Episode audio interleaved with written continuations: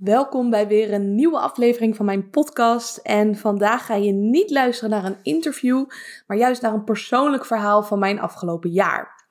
Ik ga vijf lessen met je delen die het afgelopen jaar bij mij naar voren zijn gekomen, die eigenlijk het meest belangrijk waren. Helemaal in het begin van mijn onderneming heb ik een e-book geschreven met meer dan 50 lessen die ik had ontdekt nadat ik een x-bedrag in mezelf had geïnvesteerd. En vandaag heb ik er bewust voor gekozen om eigenlijk zo min mogelijk lessen te delen. Om daarin echt te focussen op de essentie. En ook deze lessen te illustreren aan de hand van verhalen die het afgelopen jaar natuurlijk plaats hebben gevonden. Dus luister vooral mee en leer van deze podcast over mijn eigen proces in het krijgen van een nog krachtigere topsportmentaliteit. Ik ga niet meteen met de deur in huis vallen met een van de tips, maar juist met een before en een after. Dus de before is 1 januari 2021 en de after is 1 januari 2022. Of eigenlijk misschien eerder 31 december 2021. Maar goed, dat zijn allemaal details. En wat heel belangrijk is om te beseffen, is dat we vaak overschatten wat voor een verschil we kunnen maken op de korte termijn. En dat we onderschatten wat voor een verschil we kunnen ervaren op de lange termijn. En daarom zie je vaak dat bepaalde programma's bij coaches heel erg gericht zijn op korte termijn. Afvallen in 12 weken, in no time een succesvol bedrijf bouwen, noem het maar op.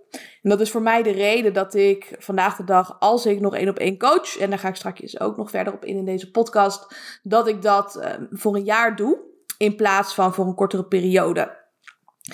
Laat ik beginnen met de before, dus 1 januari 2021. Ik had toen net mijn relatie verbroken. En voor mij voelde dat best wel gek, omdat ik het idee had dat eigenlijk de rest van mijn leven op dat vlak vast was gelegd. Dus ik had een relatie met mijn toenmalige vriend. We zouden in 2021 samen een huis gaan kopen. Hij wilde ook graag aan kinderen gaan beginnen. En uiteindelijk heb ik de knoop doorgehakt op kerstavond om toch bij hem weg te gaan. Dus voor mij was het een beetje een, een gek begin van het jaar in die zin. Dat ik um, in de eerste week van januari bij hem weg ben gegaan uit zijn woning. Toen weer even tijdelijk bij mijn vader was gaan wonen. En ik even moest zoeken weer naar, naar mijn eigen draai daarin. Ik merkte wel dat het me heel erg goed deed. Dat ik weer makkelijker terugkwam in mijn eigen routines. Echte dingen kon doen die ik belangrijk vond. En geen rekening meer hoefde te houden, in dat geval met een partner. Um, mijn bedrijf op dat moment uh, liep best wel goed. Was het eerste jaar dat ik ook echt winst had gedraaid met mijn bedrijf. En ook echt een hele mooie winst. En vanaf daar ben ik ook gaan kijken om dus een woning voor mezelf te gaan kopen. Dus de huizenjacht begon eigenlijk vanaf uh, januari, vanaf die eerste week. Verder had ik toen in de eerste week natuurlijk van 2021 nog een hondje Maui. Uh, we hadden initieel afgesproken dat op het moment dat we natuurlijk uh, uit elkaar zouden gaan, worst case scenario, dat hij voor de hond zou zorgen. Alleen kwamen we er uiteindelijk op uit dat dat ja, voor hem niet haalbaar zou zijn. En in de eerste instantie heb ik toen gezegd: Oké, nou, ik kan het niet over mijn hart verkrijgen om een beestje weg te doen ik ga die hond wel nemen. Dus de before was dat ik uh, nog een hondje had. Dat ik ook nog bezig was met fitness, met uh, veel powerliften. Ik weet niet eens meer of de sportscholen toen nog. Nee, volgens mij waren de sportscholen toen dicht. En ik denk dat ik in die tijd buiten trainde en deels nog in Oudekerk aan de Amstel kwam. En verder had ik op dat moment ook mijn allereerste co-coach aangenomen. En die was in januari ook klaar met de opleiding. En ging toen ook aan de start of aan de slag met de allereerste klanten. Dus dat was eigenlijk mijn startpunt van, uh, van het begin van het jaar. Oh ja, nog een belangrijk punt wat ik vergeten ben te vertellen.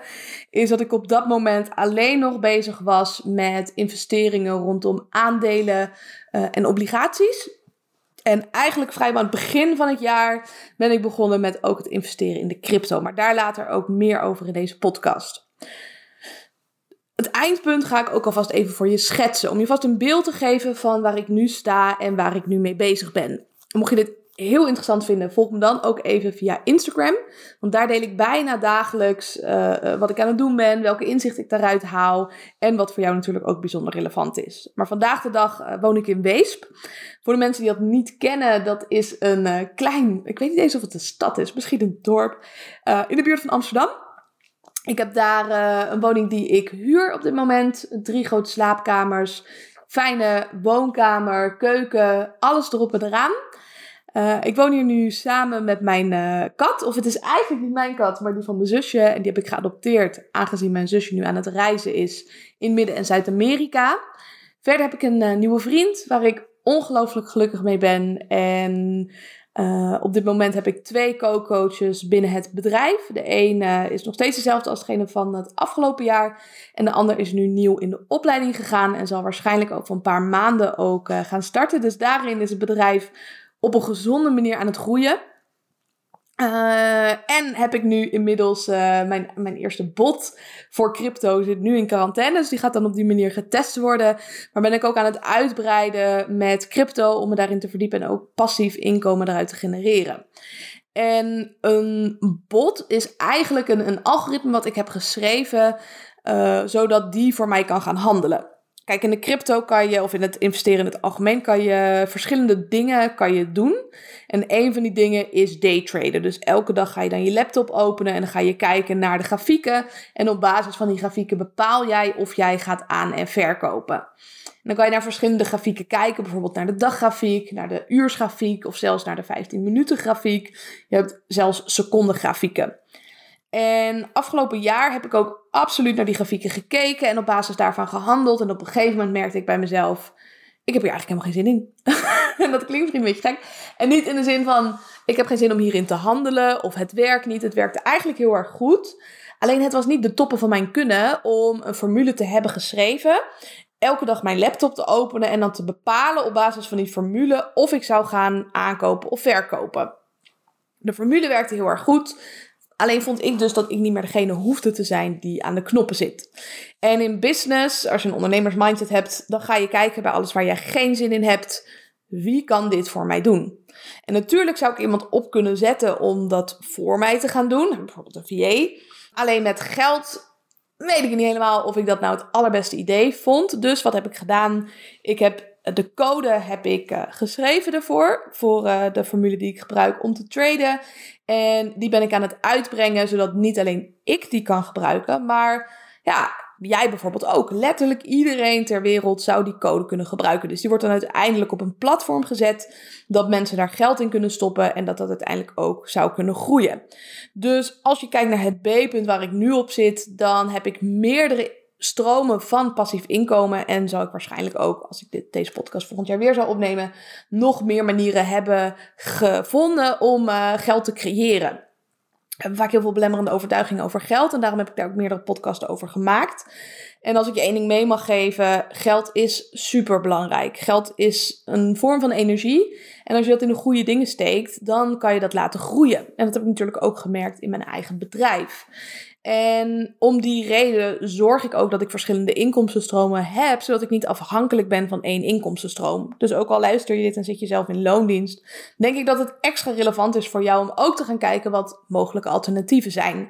Zodat je uiteindelijk niet meer gaat, gaat werken omdat het moet, maar dat je gaat werken omdat je het wil. En dat is echt een hele grote switch die ik het afgelopen jaren daarin ook heb gemaakt. En nog steeds dezelfde dingen doe, maar eigenlijk met nog meer plezier ten opzichte van uh, bijvoorbeeld één of twee jaar geleden. Nou, de allereerste les die ik met je ga delen is: gooi je oude schoenen wel weg voordat je nieuwe hebt. Het spreekwoord is eigenlijk omgekeerd. We gooien onze oude schoenen niet weg voordat we nieuwe hebben. En daarom gooien we ze eigenlijk nooit weg, omdat we die nieuwe schoenen niet gaan halen. Dus daarom zorg ik dat ik loslaat wat niet meer voor me werkt en het vertrouwen heb dat nieuwe dingen ofwel op mijn pad komen, of dat ik de noodzaak heb gecreëerd om nieuwe dingen op mijn pad te laten komen. Dus in het voorbeeld wat ik net al noemde, dat ik mijn oude relatie heb verbroken, dan wacht ik niet totdat er een nieuw persoon op mijn pad is gekomen, dat ik wegga bij mijn toenmalige vriend, pas op het moment dat ik iets beters gevonden heb, tussen aanhalingstekens, wat beter ook mag zijn. Ik heb er juist voor gekozen om te vertrouwen op mijn intuïtie. Mijn intuïtie zei: Oké, dit is geen zware onvoldoende, maar dit is absoluut niet de toppen van jou kunnen. Dit is niet degene die het allerbeste bij jou past. Dus dan zou je eerst los moeten laten wat je niet meer dient, om ruimte te kunnen maken voor hetgene wat daar hoort te zijn. Dus op het gebied van relatie was dat voor mij ook een uh, stap die ik daarin heb gezet. Ook al voelde ik me er nog helemaal niet klaar voor, maar heb ik uiteindelijk wel een bepaalde knoop doorgehakt. En ik heb hierbij een, ja, misschien een beetje rationeel, maar ook een formule gebruikt.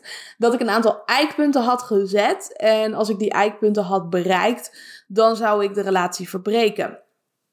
En dat heb ik om een bepaalde reden gedaan. Namelijk dat het reptiele brein, dat wil geen verandering. En die gaat jou linksom of rechtsom saboteren om maar niet te veranderen, omdat dat veilig voelt. Of het nou gaat om relaties met andere mensen, de relatie met jezelf, beter voor jezelf gaan zorgen, juist een bedrijf starten of dat gaan opschalen.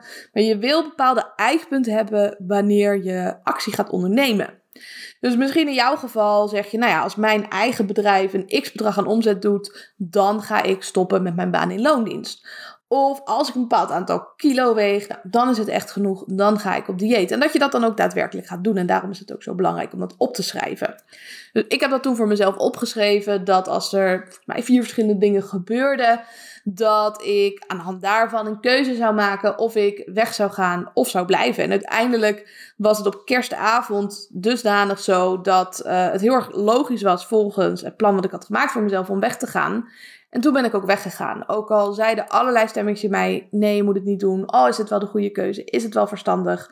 Vaak achteraf gezien kan je alleen maar zien wat de goede keuze is. En als ik ook kijk naar mezelf of alle mensen die ik help met het maken van keuzes, denken we eerder: had ik die keuze nou maar eerder gemaakt? Dan dat we echt spijt hebben van onze keuzes.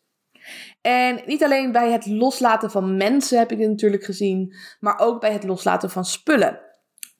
Zo heb ik een heleboel opgeruimd, juist als het gaat om spullen in het afgelopen jaar. Spullen is natuurlijk ook een vorm van energie. En Marie Kondo heeft daar een prachtig boek over geschreven.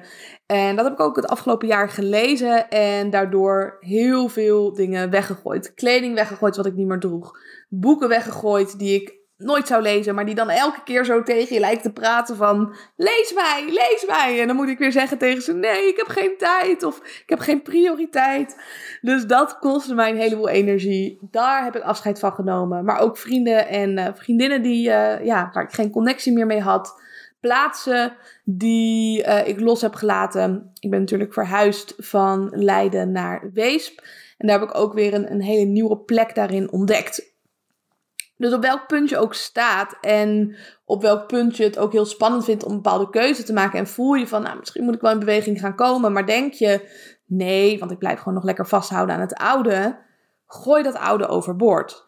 Burn your boats. Op een gegeven moment ging een legerleider die ging naar uh, Midden-Amerika om land te gaan veroveren. En wat hij toen deed, was dat hij alle boten van zijn soldaten had verbrand. En zei tegen zijn eh, team: Jongens, kijk achter je. Er is geen weg meer terug. Je gaat deze strijd moeten winnen. Deze soldaten hebben waarschijnlijk gevochten op basis van angst in plaats van vertrouwen. En ik zou je niet aanraden om dat op dezelfde manier te doen. Maar wel los te laten wat je niet meer dient. En dan het vertrouwen te hebben dat er iets beters uiteindelijk op je pad gaat komen. De tweede les is start before you're ready. Ga die eerste stap zetten, ook al heb je nog geen idee waar het gaat eindigen. Of heb je het gevoel dat je er nog helemaal niet klaar voor bent. En je kan het vergelijken met de sport golfen. Je kijkt wel ongeveer waar je naartoe wil, waar het, het vlaggetje staat en waar de hole is. Dan vervolgens heb je het startpunt, je A-punt, waar de bal ligt. Dan kies je een bepaalde stok waarmee je gaat slaan, een bepaalde richting die je opgaat. En je hoeft eigenlijk alleen maar de eerste slag te doen. Pas vanaf de eerste slag kan je kijken waar de bal is terechtgekomen. Daar kijk je weer van, oké, hoe ver is het nu naar mijn doel toe? Welke middelen ga ik gebruiken? Enzovoort, enzovoort. En vaak komen we pas in beweging op het moment dat we de hele weg voor ons kunnen zien. En stap voor stap precies weten wat er allemaal zou kunnen gebeuren. En dan nog vertellen we onszelf dat we er nog niet klaar voor zijn. En gebruiken we allerlei excuses op het gebied van tijd, kennis, geld, energie, eh, noem het maar op. Ik heb mij nog nooit 100% klaar gevoeld voor een bepaalde stap die ik ging zetten. Denk maar niet dat ik naar de wereldkampioenschappen ging en daar stond met het idee van: oh, ik weet zeker dat ik een medaille ga halen. Ik weet zeker dat ik hier helemaal hoor. Ik had ook last van het imposter syndroom. En ik denk jij waarschijnlijk ook. Ik hoor dat zo vaak dat nou ja, we toch een beetje het gevoel hebben dat we de boel aan het oplichten zijn. Maar iedereen heeft dat. En als je dat nou eenmaal weet, dat we allemaal maar wat aan het doen zijn, dan kan het misschien ook wat gemakkelijker zijn om uiteindelijk dus in beweging te gaan komen. Een van de dingen die ik heb gedaan afgelopen jaar, ook al voelde ik me daar helemaal niet klaar voor, was het reizen. Ik ben met mijn zusje samen in de auto gestapt in de lente en we zijn naar Spanje gegaan. Want we eigenlijk een beetje klaar waren met alle maatregelen in Nederland. Nederland zat nog in extreme lockdown. De gyms waren dicht. De horeca was dicht. Winkels waren dicht. En in Spanje was alles open. Dus we zijn die kant op gegaan. En we kregen best wel veel feedback van de omgeving. Van, zou je dat nou wel doen? Kan je wel reizen met corona? Is dat wel handig? En dat ik ook nog eens dat stemmetje in mijn hoofd die zei: Ja, maar Isabel, je hebt een bedrijf te runnen. Je weet daar nog niet hoe het zal gaan. Je wil een goede plek hebben met internet. Je wil natuurlijk ook bepaalde omzettargets halen. Je wil, nou ja, allerlei redenen om het niet te doen waarom ik er niet klaar voor zou zijn. En toch ben ik gegaan. Net zoals de andere reis die ik afgelopen jaar heb gemaakt naar Mexico. Ik denk dat ik een week van tevoren mijn ticket heb geboekt. En toen uh, naar mijn zusje toe ben gegaan en heb gezegd: Joh, ik heb een ticket naar Mexico geboekt. Ga je met me mee? En zij is meegegaan en daar gebleven. En zij is daar nog steeds. Dus over een maand of twee ga ik daar weer naartoe om haar op te zoeken. Maar allebei waren we, nou ja, wanneer ben je er klaar voor? Maar allebei waren we nog niet klaar van A tot Z om te gaan en wisten we precies wat we daar gingen doen. Als je mij toen had verteld dat mijn zusje daar bijvoorbeeld zou blijven, dan had ik je waarschijnlijk niet geloofd of je een beetje gek aangekeken. Maar ook als het gaat om het krijgen van een woning, uh, kwam deze les bij mij weer terug. Wat ik al aangaf dat ik aan het begin van het jaar bezig was geweest met het kopen van een woning. Dus ik heb meerdere woningen bezocht. En daarbij was het voor mij ook belangrijk om maar gewoon te gaan. Ook al was het niet de perfecte woning. Vaak, op het moment dat je de straat inrijdt, weet je pas of je het wel of niet gaat doen. Dus ik heb bijvoorbeeld gekeken bij een woning in Rotterdam. Nou, daarvan voelde ik al, ook al zag het op de foto's er heel mooi uit. Dit is niet mijn plek. Dus daar heb ik ook geen bod op gedaan. Ik heb één bod gedaan op een woning in Zoeterwoude, op een appartement. Toen was ik nummer twee geworden, want ik was met volgens mij 10.000 euro overboden. Toen heb ik een bod gedaan op een woning in Zoetermeer. Toen ben ik ook met 10k overboden. Achteraf gezien ben ik heel blij dat ik daar niet ben gaan wonen, maar goed. En tot slot had ik een huis in Benthuizen.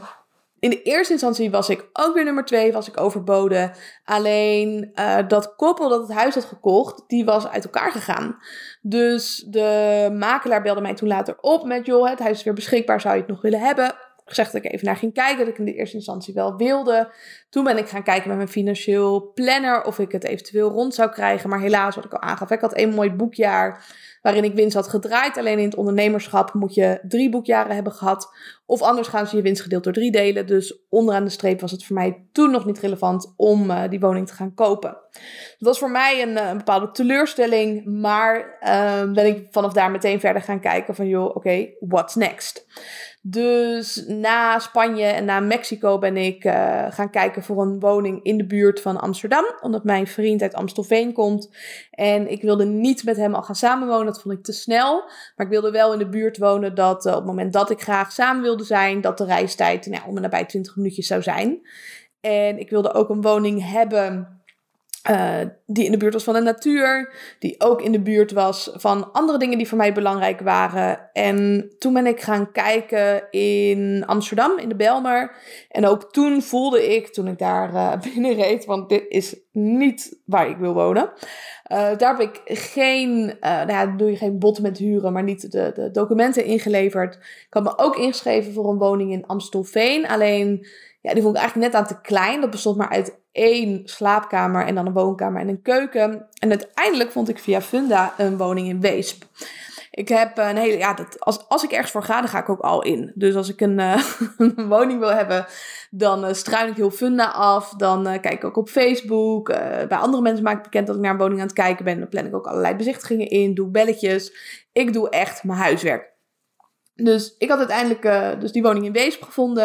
En er was volgens mij ook iets mee dat er een uitvaller was of zo, staan me bij.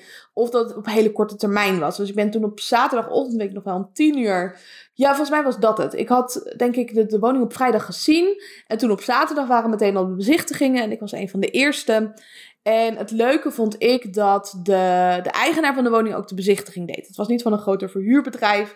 En ik had een hele leuke klik met de eigenaar. Dus ik was een beetje aan het vertellen over mezelf en wat ik doe.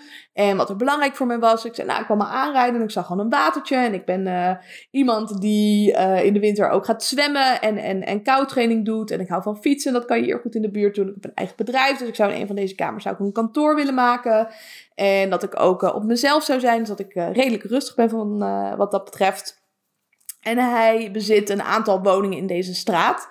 En in plaats van um, ja, kiezen op basis van tijd, wat bij heel veel andere huurwoningen gebeurde, koos hij op basis van de beste match. Als je een woning koopt, dan wint degene met het hoogste bod. Of het bod wordt gekozen door de verkopende partij op basis van de voorwaarden. Dus je kan wel een, een bod doen van bijvoorbeeld 300.000 euro, maar als je die uh, met allerlei voorwaarden doet. En er is iemand anders die heeft een bod van 295.000 295 euro. En die doet hij zonder voorbehoud van financiering of zonder andere voorwaarden. Nou, dan zou je sneller dat bod gaan kiezen.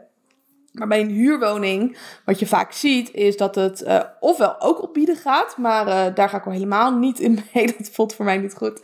Of op basis van tijd. Dus wie het eerst komt, wie het eerst maalt. Dan is die bezichtiging. En daarna gaat iedereen als een soort van bezetene naar huis, naar de computer om alles in te vullen. Of dat hebben ze dan al klaarstaan natuurlijk. En dat uh, dan op play te drukken. En dat voelt voor mij in ieder geval heel gek om dat op basis van tijd te doen. En deze verhuurder die deed het op basis van de beste match. En uh, ik kreeg volgens mij de dag daarna al een mailtje met... Isabel, ik heb jou uitgekozen om hier te komen wonen. Ik denk dat wij een hele goede match zijn.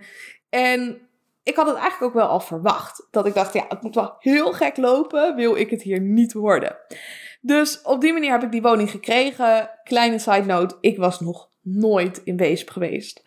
Ik was, ik, ik, ik ken hier helemaal niks. en ik dacht in de eerste instantie, ja, maar ben ik er dan wel klaar voor? Toen dacht ik, nou ja, maakt ook eigenlijk helemaal niet uit. Of je nou een stad van A tot Z kent, of je gaat er maar gewoon wonen en je ziet verder wel hoe het allemaal gaat lopen. Dan leer je alles wel kennen. En elke keer als ik hier door de straten loop, dan krijg ik nog steeds zo'n geluksgevoel dat ik denk: oh, ik ben eigenlijk best wel gek op Weesp. Een ander ding waar ik dus mee begonnen ben, is het investeren in crypto. En ik ben begonnen met investeren in crypto zonder dat ik mij erin heb verdiept. Dat gaat een beetje in tegen wat de meeste financieel adviseurs tegen je zullen zeggen. Die zullen tegen je zeggen: je moet echt goed je huiswerk doen. En dan pas kan je gaan investeren. En ik zie dat iets anders. Dus ik denk niet dat jij je volledige vermogen dan uh, ergens moet in investeren waar je geen verstand van hebt. Maar het kan ook wel helpen om een beetje skin in the game te hebben. Dus wat ik heb gedaan, is dat ik in januari, ik denk 200 euro of zo over heb gemaakt naar uh, Bitfavo. Het is een soort platform ja, die je kan gebruiken om cryptomunten aan en ver te kopen. En ik heb toen uh, wat bitcoin gekocht en wat andere altcoins. En vanaf daar ben ik mij er verder in gaan verdiepen. En het was voor mij ook wel geld wat ik kon verliezen. Ik had het geld niet nodig. Dus ja, ik noem een beetje YOLO geld. Als ik al mijn vermogen nu in crypto ook zou verliezen, zou dat voor mij letterlijk geen verschil maken. Want het is echt lange termijn als je failliet wil gaan, kan je dat het beste doen voor je dertigste. Dat is een beetje mijn filosofie. Dus ik neem daarin wat meer gecalculeerd risico dan wanneer je bijvoorbeeld op je zestigste gaat investeren. En dan wil je eerder kijken naar het behouden van je vermogen.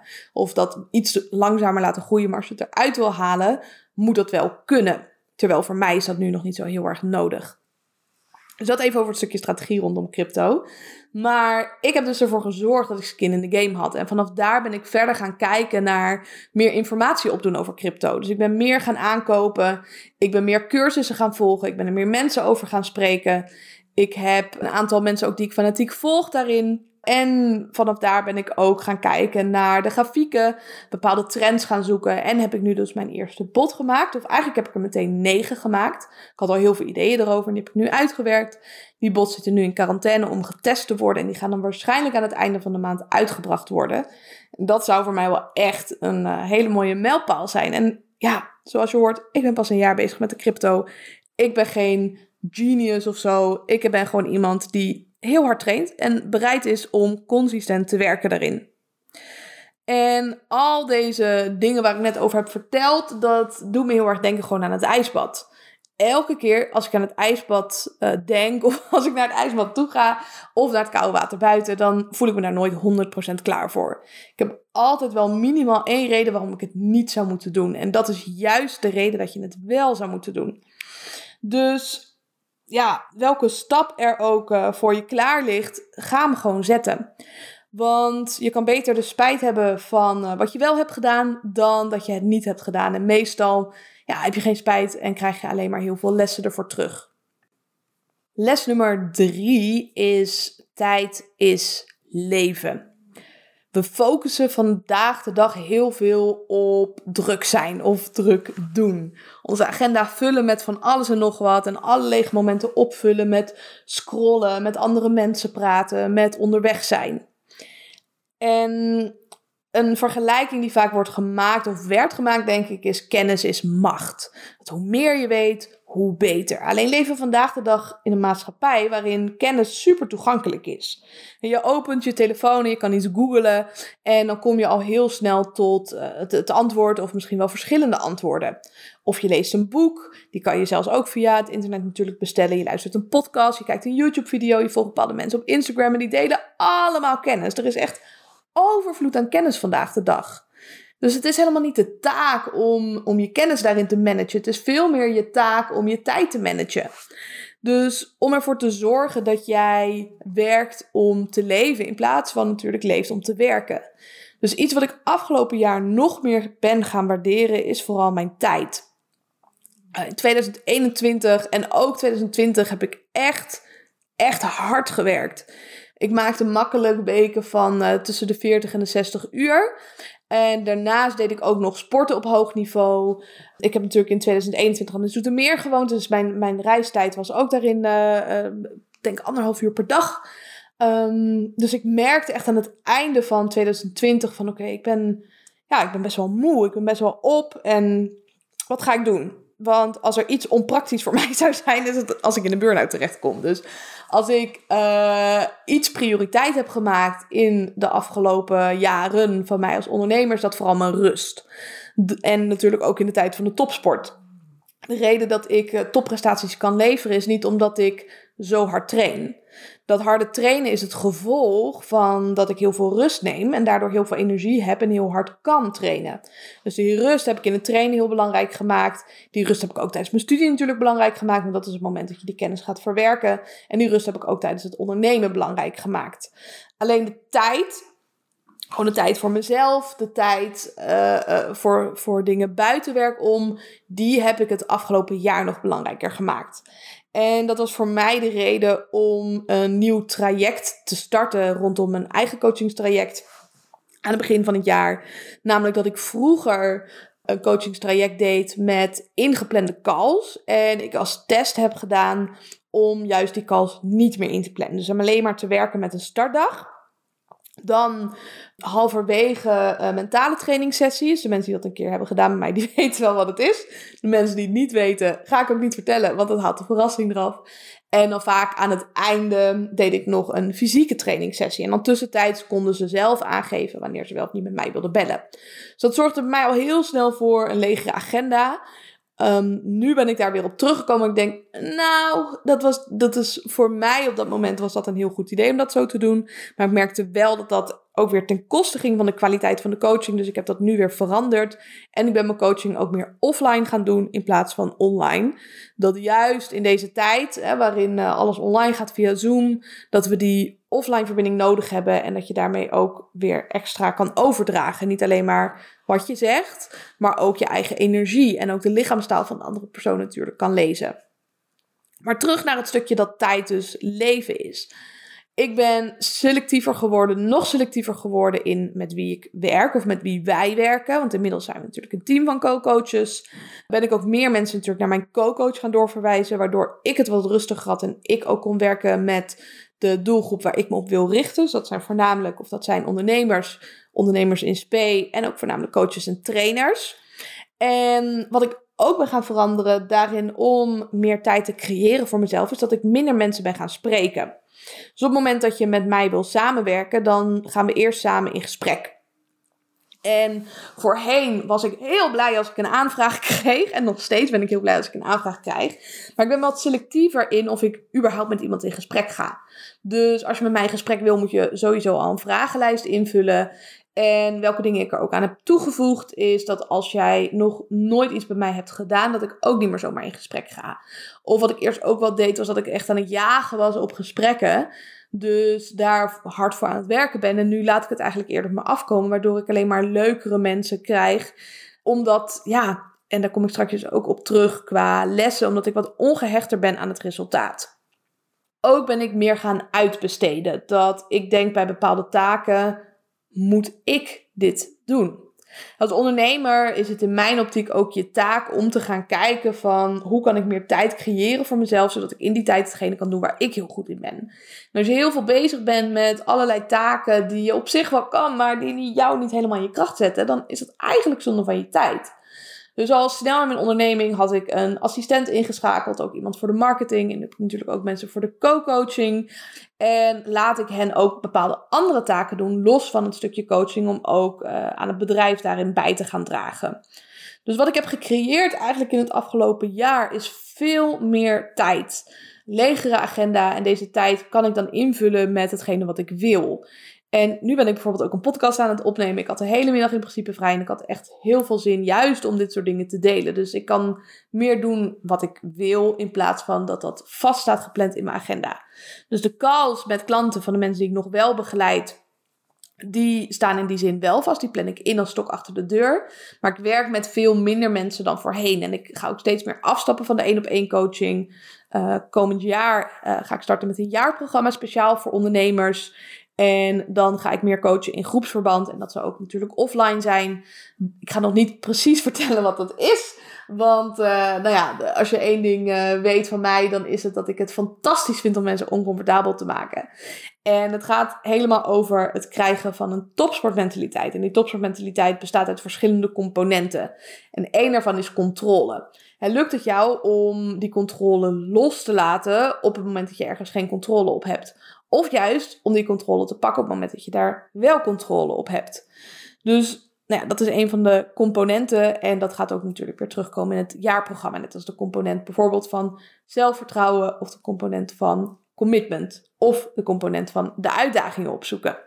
als je hier meer over wil weten, dan raad ik je ook even aan om naar mijn website te gaan en daar de checklist in te vullen. En dan weet je in drie minuten ook hoe het met jouw topsportmentaliteit zit. Dus dat is in het bedrijfsleven hoe ik uh, nu met mijn tijd omga, hoe ik met uh, de inrichting omga en ook met mijn eigen vrije tijd. En wat ik al eerder in de podcast ook aangaf, dat ik zoveel meer plezier ook heb gekregen, juist in het ondernemen, omdat ik het in die zin minder nodig heb. En dan kom ik meteen op tip nummer 4.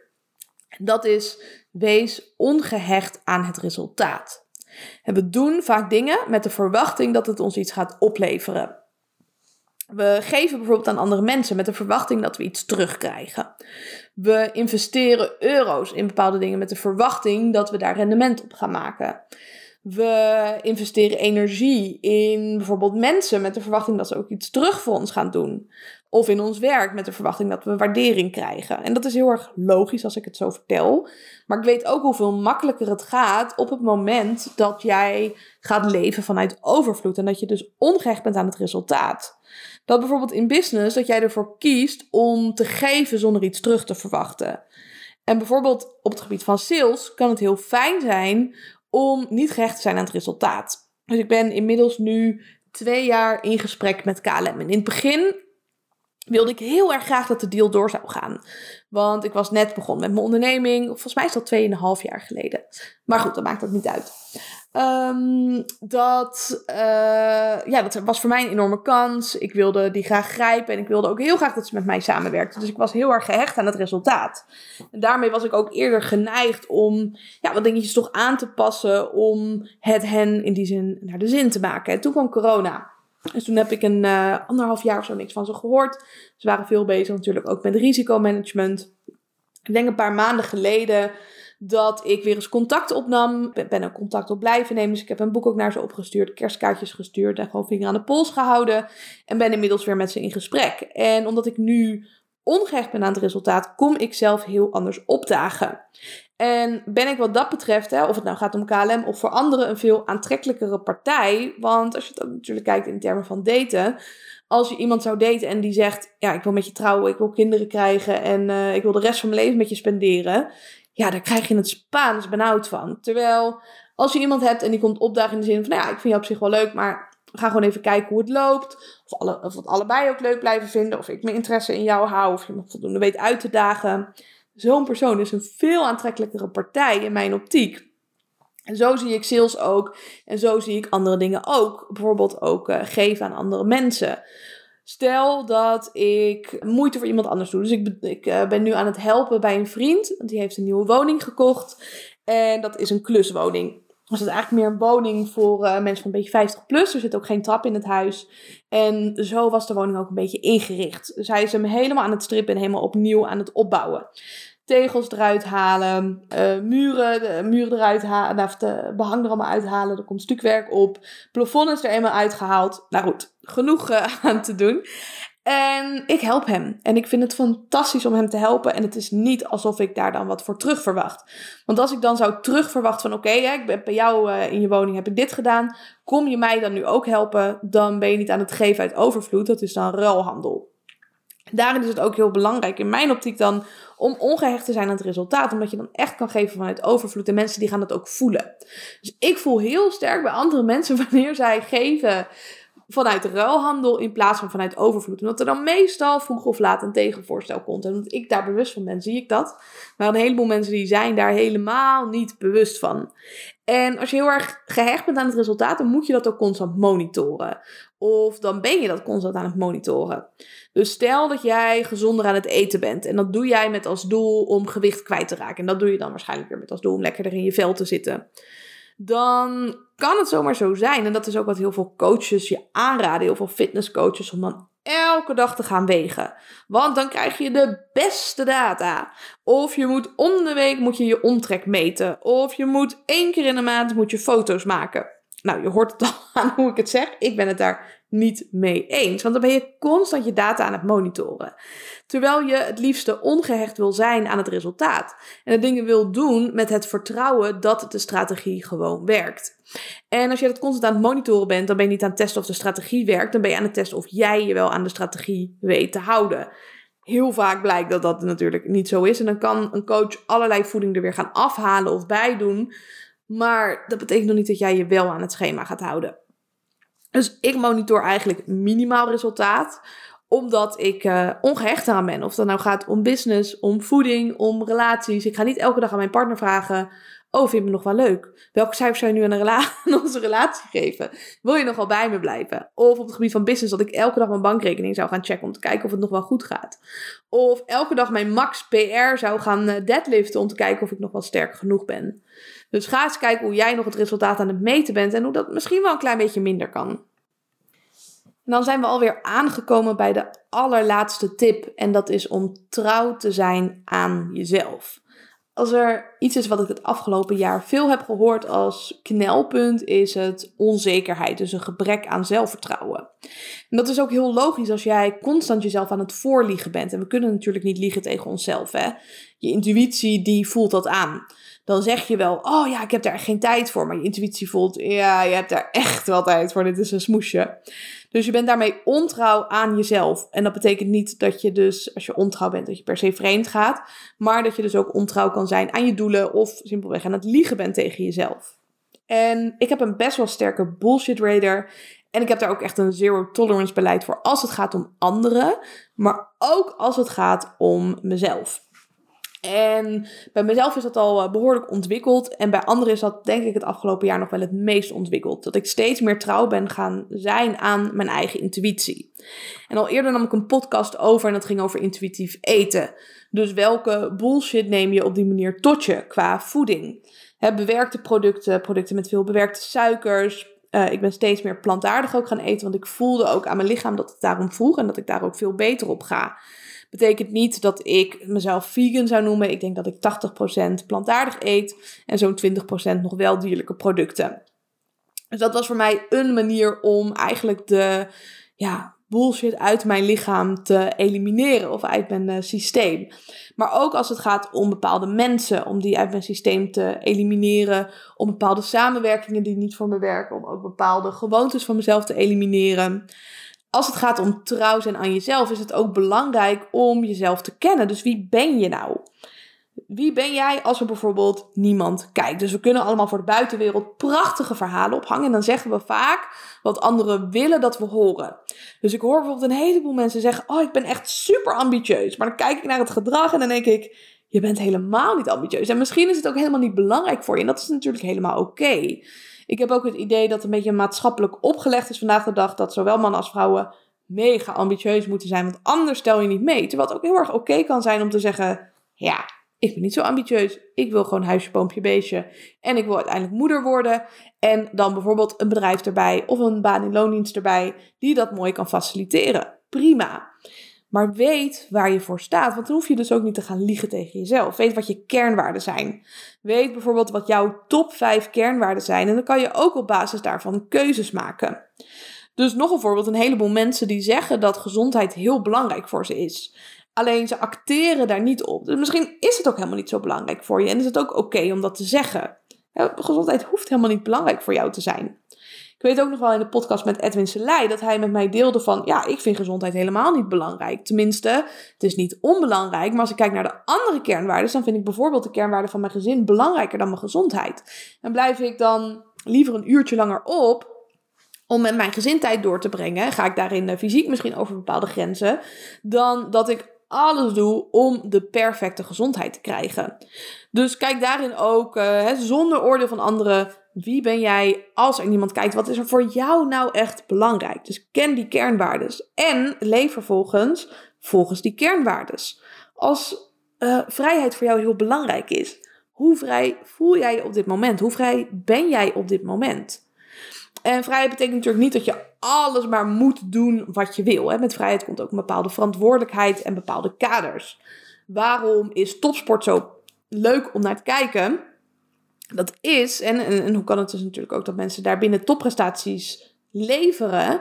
Omdat er kaders zijn. Een voetbalveld heeft lijnen. Het heeft regels, het heeft een scheidsrechter die de regels bepaalt. En binnen die kaders, binnen die regels, kunnen de sporters floreren. En krijgen dat soort prachtige acties, zoals bijvoorbeeld toen Nederland tegen Spanje speelde, dat uh, Van Persie de bal met een soort van Superman sprong in het doel kopte. En dat kan omdat we die kaders dus hebben. Dus weet waar je voor staat, weet wat je kaders zijn, wat wel en ook natuurlijk wat niet. En als er iets is wat bij mij in ieder geval tegen mijn kernwaarden ingaat, aantal kernwaarden van mij zijn vrijheid, kernwaarde van mij is ook gezondheid. En dan niet, niet ziek zijn, maar beter zijn. Dan is het natuurlijk wel het uh, Corona-beleid. en laat ik vooropstellen dat we daarin een heleboel dingen op één hoop gooien. En we gooien de vaccinaties op één hoop, samen met de maatregelen, samen met uh, alle, alle, de, de, de toekomst, het 2030-plan, noem het maar op. Ik heb me het afgelopen jaar daar wel een beetje in verdiept om te kijken wat daarin uh, de verschillende meningen zijn of de verschillende onderzoeken zijn. Wat we te weinig doen in mijn optiek is kijken naar elkaar en luisteren naar elkaar. Dus in de psychologie hebben ze op een gegeven moment een onderzoek gedaan en dan was er een bepaalde stelling en de mensen die voor waren, mochten alleen nog maar met de mensen praten die voor waren. En de mensen die tegen waren, mochten alleen nog maar praten met de mensen die tegen waren. Wat zag je dan? Was dat er veel meer polariteit kwam tussen die twee groepen. Dus de voors waren nog meer voor en de tegens waren nog meer tegen. Terwijl als we met elkaar in gesprek blijven, dan kan je bijvoorbeeld zeggen van... Oh, nou, ik ben bijvoorbeeld wel pro-vaccineren. Dat vind ik wel een goed idee.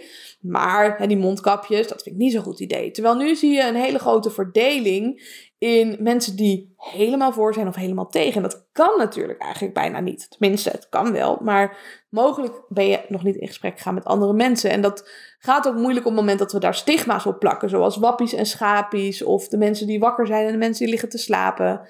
Uiteindelijk zijn we gewoon allemaal mensen. Maar terug naar die kernwaarden. Ik voel bij mezelf dat dat zo tegen mijn eigen kernwaarden ingaat. En ik ben daarin, in mijn optiek tenminste, heel erg trouw gebleven aan mezelf. En ook wel veel discussies over gehad met mensen, eigenlijk vanaf dag 1. Ik um, ben zelf namelijk in 2020 in Singapore geweest. En dat was een van de eerste landen waar uh, het al was. Toen ben ik teruggegaan naar Nederland en toen zag ik hoe we er hiermee omgingen.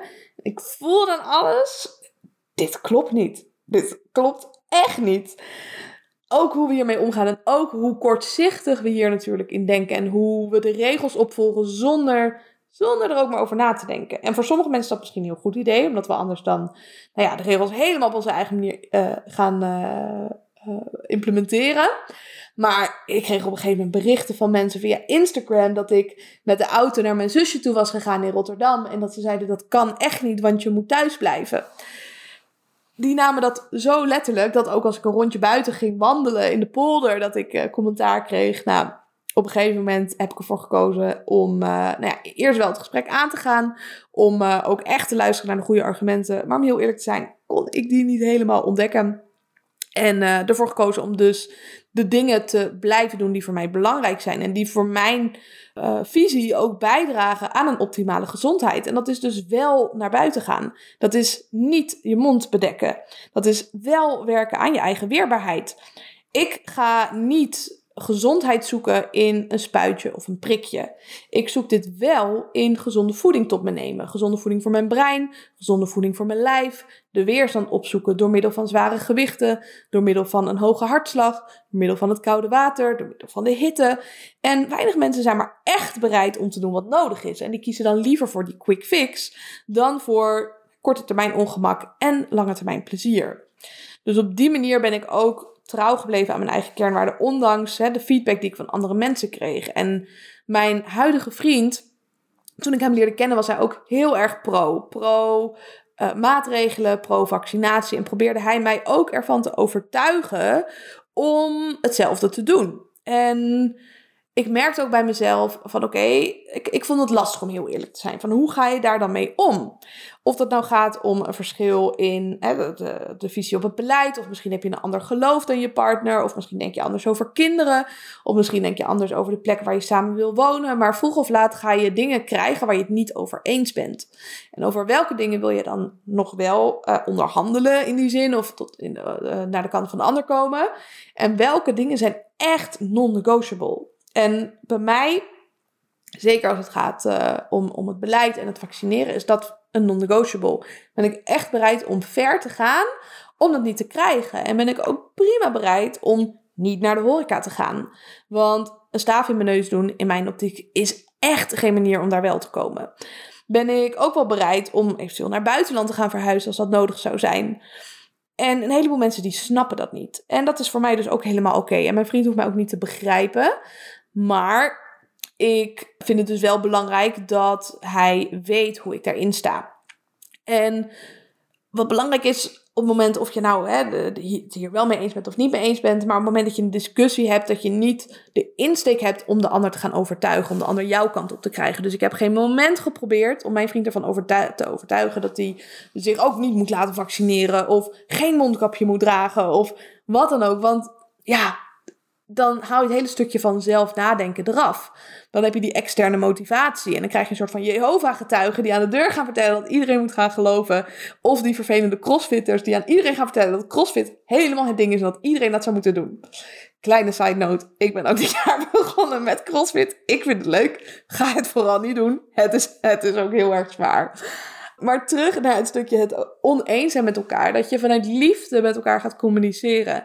En gewoon aangeeft van, hè, het voelt voor mij niet goed om dit te doen. Deze dingen zijn belangrijk voor mij. Ik leef trouw in mijn eigen kernwaardes. Wat jij moet doen, moet je natuurlijk helemaal zelf weten daarin. Maar is dat voor jou oké? Zou het voor jou oké zijn als dit de rest van je leven zo zou blijven? En als het antwoord ja is, top. En als het nee is, bedank elkaar en ga weer uit elkaar. Als het echt een dealbreaker is. En daarmee kan je dus ook weer tip 4 ongehecht zijn aan het resultaat. Dan ga je niet helemaal in allerlei bochten wringen om maar te passen in dat plaatje van de ander. Of dat de ander in het plaatje van jou past. En juist vanuit die mindset kan je de meeste toegevoegde waarde, denk ik, aan elkaar geven. Wees dus trouw aan jezelf. Weet wie je bent, weet wat je kernwaarden zijn en weet waarin je wil schikken. Misschien is kinderen krijgen voor jou zo ongelooflijk belangrijk dat jij per se een partner wil die dat ook belangrijk vindt. En kan het voor jou een reden zijn om weg te gaan bij je partner op het moment dat hij geen kinderwens heeft. Of ook niet bereid is om daar voor jou in mee te gaan. Of als jouw partner bijvoorbeeld later terug zou willen gaan naar Amerika als hij daar vandaan komt. En jij ziet het helemaal niet zitten om dat te gaan doen.